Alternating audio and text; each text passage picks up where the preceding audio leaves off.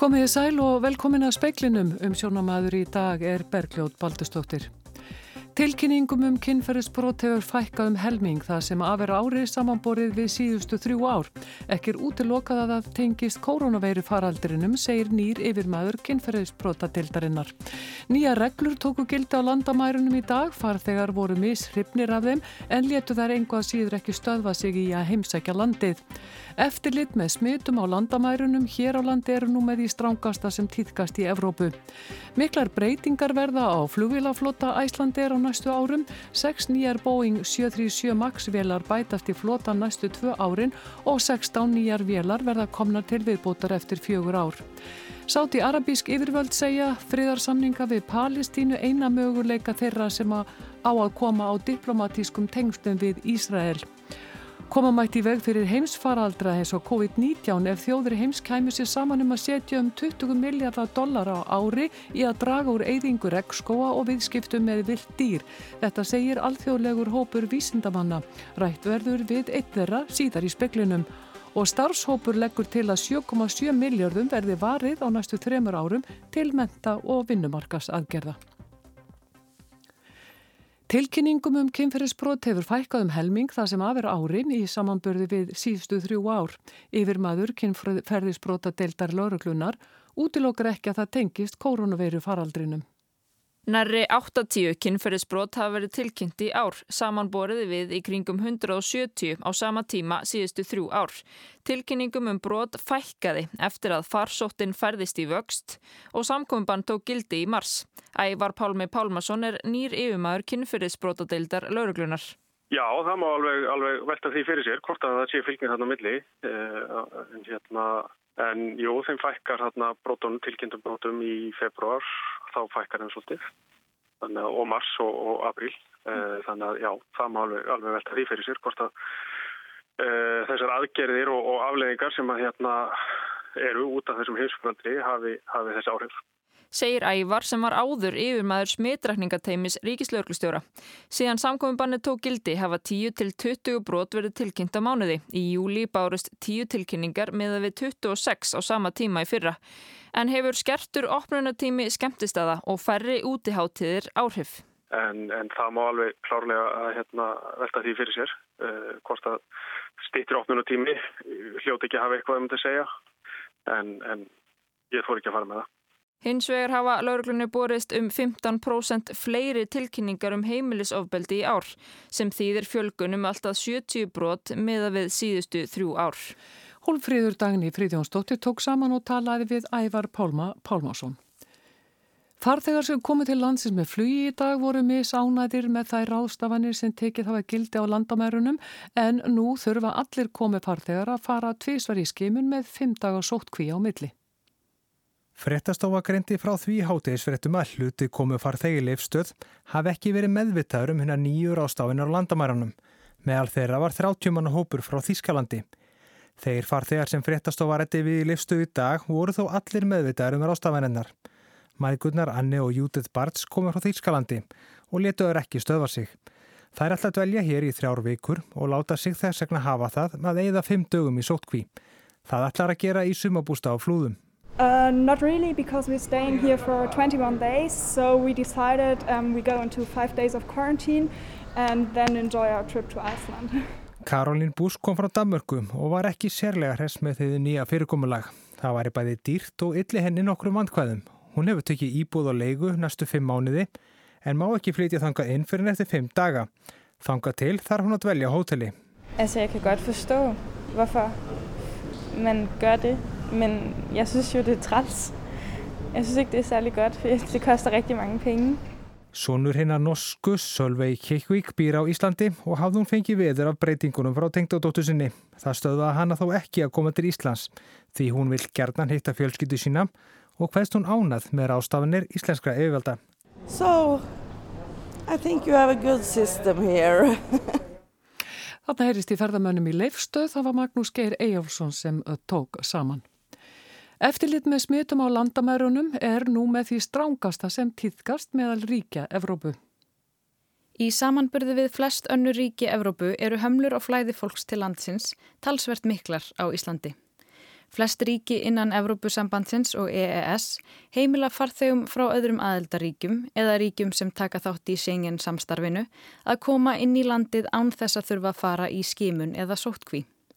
Þetta er þó ekki algilt því mörg ríki fylgjast vel með þróunfaraldusins annars þar í alfunni og hika ekki við að setja takmarkanir á farþega sem koma frá svæðum þar sem faraldurinn er í sókn. Sem dæmi má nefna Noreg sem heldur lista yfir svæði í Evrópu sem skilgrend eru sem há áhættu svæði. Farþegar sem ferðast til landsins frá þessum svæðum þurfa að fara í tíu dagasótt kví við komuna til landsins. Skimanni við landamæri eru hvergi jafn umsviða miklar í Evrópu og hér. Hvergi álfunni eru allir komu farþegar skimaðir en sumstaðar þarf hlutið farþega að fara í sínatöku. Sem dæmi má nefna Þískaland þar sem farþegar sem koma frá há áhættu svæðum eru skimaðir. Þá eru landamæra skimanir til umræði í Breitlandi en samkvæmt núgildandi reglum þurfa allir farþegar að fara í tveggja vikna sótt kví við komuna til landsins fyrir utan þá sem koma frá svæðum sem teljast örug að mati stjórnvalda. Ef hortir til ríkja utan Evrópu má sjá að hömlur á komufarþegum til landsins eru mismiklar. Aðtegli vekur að Eiríki á borði Nýja Sjáland og Tæfan hafa strangt eftirlit með landamærum sínum. Magnús Gottfreðsson, sérfræðingur í smittsjúkdómum og professor við Læknandelt Háskóla Íslands, segir að Eiríki búi yfir þeim styrkleika umfram önnu ríki að geta haft mun betra eftirlit með flæði fólks inn í landið. Í ljósi þess sé bæði raunhæft og skinsamlegt fyrir eigur að passa vel upp á landamærin. Það er eðlilegt að þau reyni að nýta sér þetta uh, eitthvað sem er miklu, miklu floknara í fangkvæmt fyrir uh, ríki sem ægja landamæri að, að mörgum nákvæmnaríkjum og auðveldur að komast inn fyrir landamærin á mörgum stöðum. Nína Hjördís Þorkilstóttir tók þennan pistil saman. Æslandir ætlar að byggja leiðakerfi sitt á næstu árum að hluta á Boeing 737 MAX vélum sem félagi vonast að fá að fljúa í áslokk. Félagið hyggst bæta 16 nýjum vélum við flotan eftir fjögur ár. Vikið er að flugvelaflota Æslandir í fjárfærstakynningu félagsins sem byrt var í gerkvöldi en í henni er mikið tröstlagt á nýju Boeing Max vélarnar. Max flugvelarnar eru mun hagkvæmari en aðra vélar í flota Æslandir, eða 27% minna elsniti og krefjast minna viðhalds. Geta þær flóið til 85% áfangastaða félagsins. Gallin er hins vegar sá að þeim á ekki fljúa. Allar Max-vélar hafa verið kyrsettar eftir tvö mann skeðflugslis en vonir Æslandir standa til þess að þær hefji sér til flugs á ný í árslokk. Tilstóðað Æslandir kipti 16 maksvílar frá Boeing, en samningar hafa tekist við bandariska flugvölaframlendan um að þær verði aðeins 12. Seks eru þegar koma til Æslandir og hinnar seks bætast við á næsta og þar næsta ári. Alls á Æslandir 32 vilar í dag, þar af 22 Boeing 757 vilar. Áallanir gera hins vegar ráð fyrir að 757 vilunum fækki ört á næstu árum og að þær verði aðeins nýju eftir í flótanum árið 2025. Þær verða ímið seldar, þeim breytti í fraktflugvilar eða seldar í varaluti. Eins og áður saði bætast við 6 nýjar maksvilar í flótan árin 2021 og 2022. En árið 2024 er gert ráð fyrir að 5 nýjar vila veri kiptar og 11 vilar árið eftir. Ekki hefur verið tekin ákvörðun um hverja tegundar þær flugvel að verða en í fjárfæstakynningunni segir að þar komi Boeing 737 eða Airbus 320 til greina. Verði í síðanemda tegundi fyrir valinu marka það tímamót því Æslandir hefur átt í áratugalungu samstarfið við Boeing. Magnús Geir Ejjólfsson sagði frá. Yfirvöldi í Sáti Arabíu ætla sér ekki að koma á diplomatískum tengslum við Ísrael fyrir en stjórnvöld þar hafa friðmælst við palestínumenn. Sérfræðingur álítur að sterkara væri fyrir Sáta að palestínudeilan leistist á grundvelli friðaráætlunar Arababandalagsins. Faisal bin Farhan, prins utanríkisráð þeirra Sáti Arabíu, segir að friður milli Ísraels og Palestínu verða byggja á alþjóðlegum samningum. Hann segir að verði að því opnist margir möguleikar í samskiptum ríkjana. Samningur Ísraels og sameniðu arabísku fustadæmana hefur kveikt vonir um að fleiri slíkir samningar líti dagsins ljós. Sögulegt mikilvægi hans hefur þó verið dreyið í Eva, engum vegna þess að ríkin eiga ekki í stríði og hafa haft mikil samskipti bak við tjöldin. Faisal bin Farhan let framann grind orð falla á bladamannafundi á samt Heiko Maas, utan ríkisráþur að Þýskalands í Berlín í dag. Þar ítrekaðan það álit ríkistjórnar sinnar að innlimun landnemasvæða Ísrael á vesturbakkanum væri ólögmætt og skadleg gagvart tveggja ríkja hugmyndinni. Með samningnum við fyrstadæmin héttu Ísraelsk yfirvöld að fresta innlimunni en Netanyahu fórsættisráð þeirra hveður ekki hætt við þau áform til lengri tíma litið. Palestínumönnum finnst saminuðu arabísku fyrstadæmin hafa sveikið sig með samningnum. Asis Al-Ghazian, rektor við háskóran í Essex, segir langsótt að sátar friðmælist við Ísraela.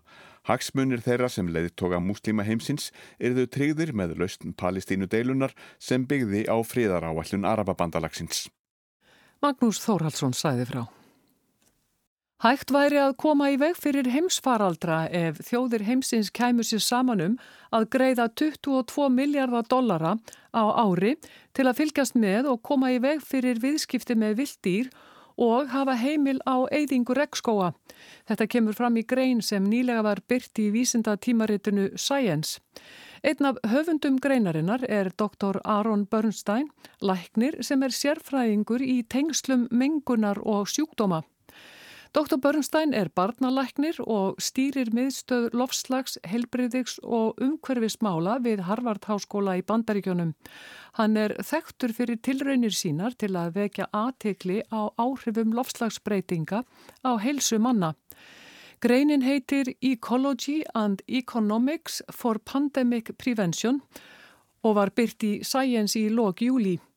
Þar segir Bernstein á samt félögum sínum sem mynda alþjóðlegan hóp vísindamanna, hagfræðinga, lækna og lífræðinga frá hugmyndum sínum um hvernig koma má í veg fyrir heimsfaraldur eins og nú geysar. Speillin setti sig í samband við Bernstein og hann fjelst á að ræða við okkur í gegnum Skype. Það tók tvær tilraunir að ná í hann því þegar sambandi var komið á í fyrraskiptið þurft hann skindilega að hlaupa frá til að sinna neyðartilfelli en hann hafði svo samband við speilin eftir að það var liðið hjá. Eftir að heimsfaraldurinn skall á hefur umfjöllun um lofslagsbreytingarnar fallið í skuggan. Uh, at the same time, it's hard to not see how the two things fit together. Uh, we, we know, for instance, or there's more and more evidence that people that have had to breathe more polluted air for longer periods of time are probably getting sicker. Börnstein segir að þrátt fyrir að umfjöllunum lofslagsbreytingar hafi fallið í skuggan fyrir COVID-19 faraldrinum sé erfitt að líta fram hjá því að þetta tvent tengist. Sínt hafi verið fram á í auknum mæli að þeir sem andaða sér menguðu lofti í nokkur tíma verða veikari en þeir sem ekki búa við slíkar aðstæður.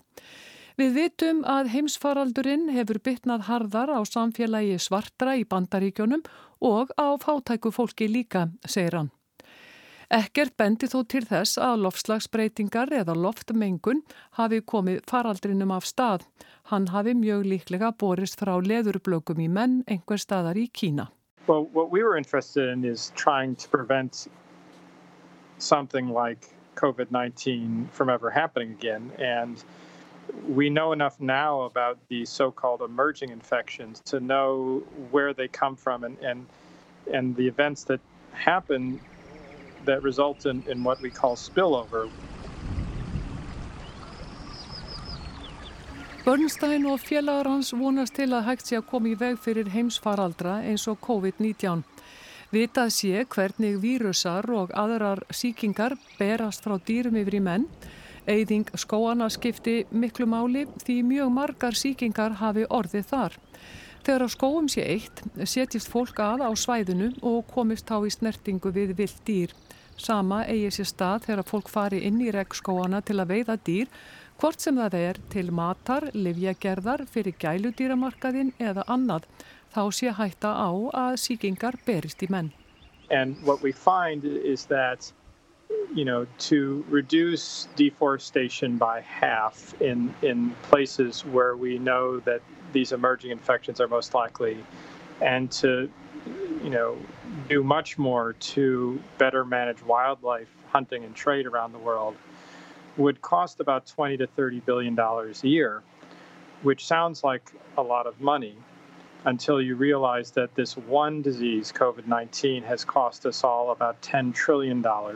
Bernstein segir að hópurinn hafi komist að þeirri niðurstöðu að ef hægt sé að draga úr eyðingu skóa um helming á þeim stöðum þar sem síkingar eru líklegar til að koma fram og stjórna betur veiðum á viltum dýrum og viðskiptum með þau kosti það um 20 til 30 miljardar dollara á ári. Það líti út fyrir að vera gríðarlega há uppæð þar til hún sé borin saman við kostnæðin við COVID-19 faraldurinn. Hann hafi kostað heiminn um 1000 miljardar dollara. And so if you spend 20 to 30 billion dollars, and this is for the entire world, every year for a decade, you'd still only have spent on the order of a few percent of the cost of one virus. Þannig ef allar þjóðir kæmur sér saman um að eigða á milli 20 til 30 miljardum dollara á ári í áratug væri það einungis lítið brot af þeim kostnaði sem verður af einum vírus eins og COVID-19.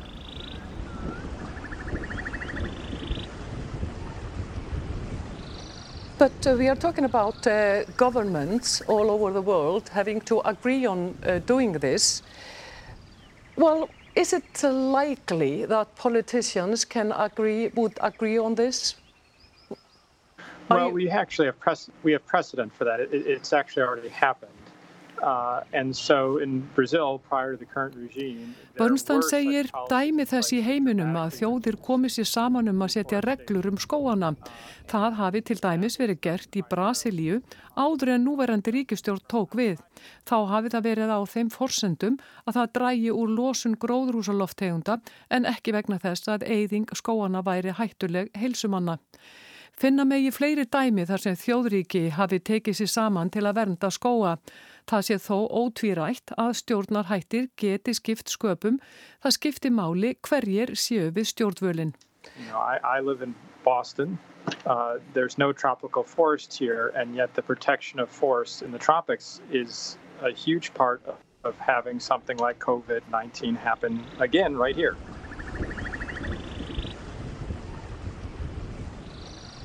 Ég á heima í Boston, segir Bernstein og þar er engin regnskóur, samt sem áður skiptir verndun regnskóana gríðalögu máli svo hægt sé að koma í veg fyrir að faraldrar eins og COVID-19 geysi í Boston, segir hann.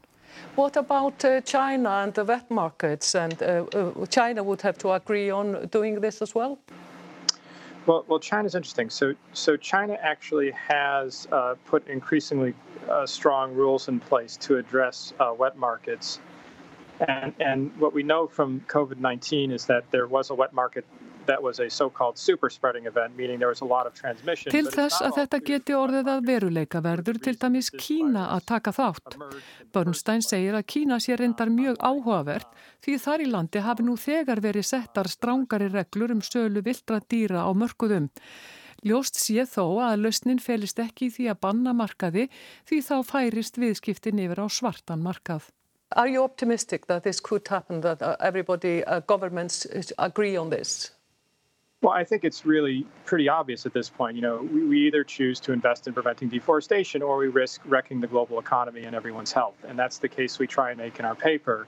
And the challenge is that we're not sure that governments are listening, but we certainly hope they'll start to because right Bernstein er nokkuð bjart síðan á að stjórnvöld í heiminum síni þessu áhuga og segir að annað hvort kjósi menn að koma í veg fyrir eyðingu skóa eða að alþjóða hagkerfið sé í hættu og heilsa alls mannkinsins sömu leiðis.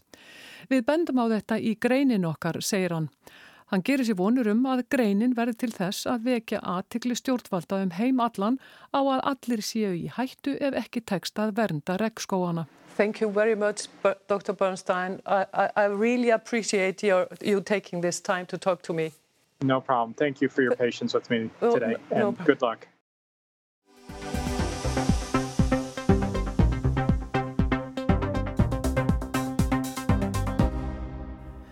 Varið verður um 7,7 miljardum króna til menta og vinnumarkans aðgerða á næstu þremur árum samkvæmt tillögum samhæfingar hóps um atvinnu og mentaúræði. Þeim sem hafa verið lengi atvinnulöysir verður gert kleift að hefja nám í framhals eða háskólum meðan þeir eru á atvinnuleysisbótum. Þetta lítur að því að þeir sem eru langtíma atvinnulöysir geti farið í nám til þess að hlutafi sínum úrræðum og uh, sambarlegt var gert hér í efnaðarsrunnu og ég bind mikla voni við þetta og við erum svona að leggja loka hönd á það að, að, að útfæslun á þessu og getum vonandi kynnt það á næstu dögum. Þetta var ásmutur Einar Daðarsson, félags- og barnamálar þeirra í fréttur sjóvas í gæri. Samhópurinn er samhæfingahópurum með atvinnu og mentaúræði hefur skilað ráður um menta og félagsmála skýslu um aðgerri menta og vinnumarkarsmálum fyrir þetta ár og næstu tvö ár. Vermiði tillagnana þessi þrjú ár hljóður upp á 7,7 miljardar krónar.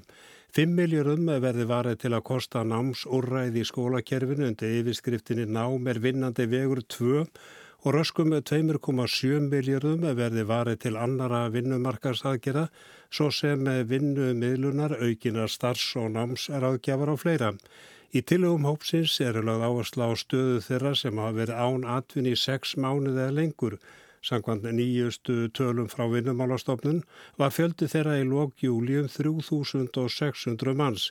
Spáðir að atvinnleysi aukist og líkur eru því á því að það fjölgi þessum hópim. Reynsla er af átaki til að hvetja atvinnuleitendur til að menta sig í hrununu var hundiðast að átækinu námer vinnandi vegur. Í skýslunni sem var skila eftir miðjan júni er réttilega bent á að umsóknarfrestur í bæði framhaldsskóla og háskóla sé útrunin eins vegar séu framhaldsskólar tilbúinur að auðlýsa síðar í sumar eða haust en ám sem er sérstaklega beint að atvinnuleitendum. Hvað varði háskólanam hafi verið rætt um einhvers konar hjáleið inn í háskólanám í haust. Sjónum er beint að þeim sem hafa verið atvinnulegs í meirinn hálft ár í átækinum. Nám er vinnandi vegur 2.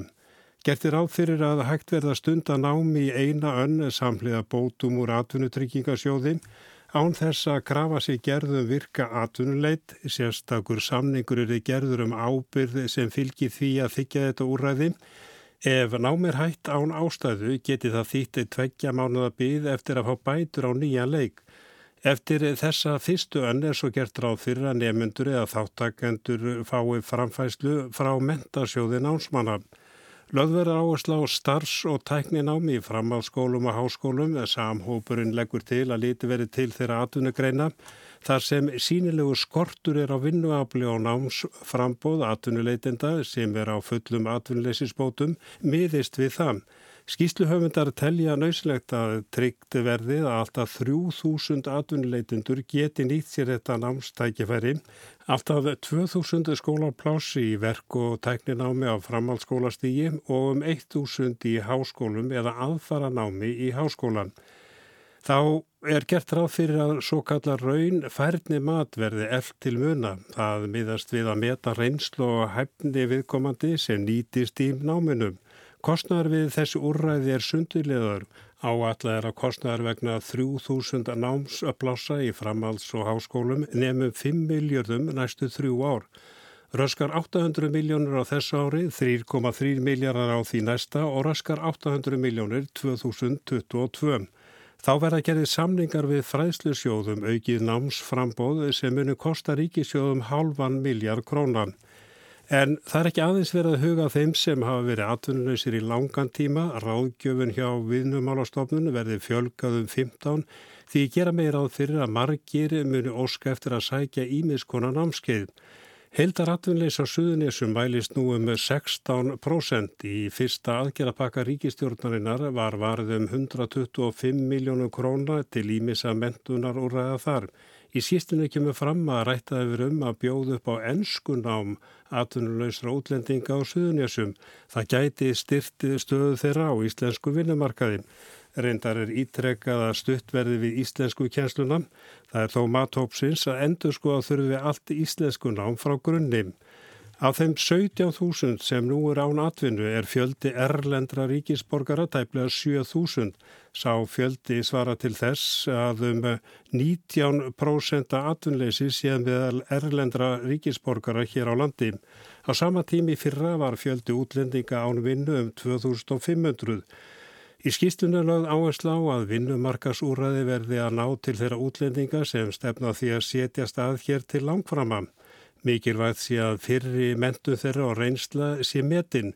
Lagt er til að þróa veri raun færni mat á pólsku og ennskum sem gæti nýst ráðgjöfum vinnumálastofnunar. Í júni þegar skýslinu var skilað var þriðjungur atvinnulösa yngre en 30 ára af þeim höfðum 1400 verið án atvinn í 6 mánuðum. Skýsluhöfundar vilja líta sérstaklega til þessa hóps, hluti hans sem er langskóla nám í greinum sem lítil eftirspurð sé eftir um þessar myndir. Í átækinu nám er vinnandi vegur séu tækifæri til að fara í verk og tækninám auk ímiskonar brúarnáms yfir í aðrar greinar. Arnar Páll Haugsson sæði frá.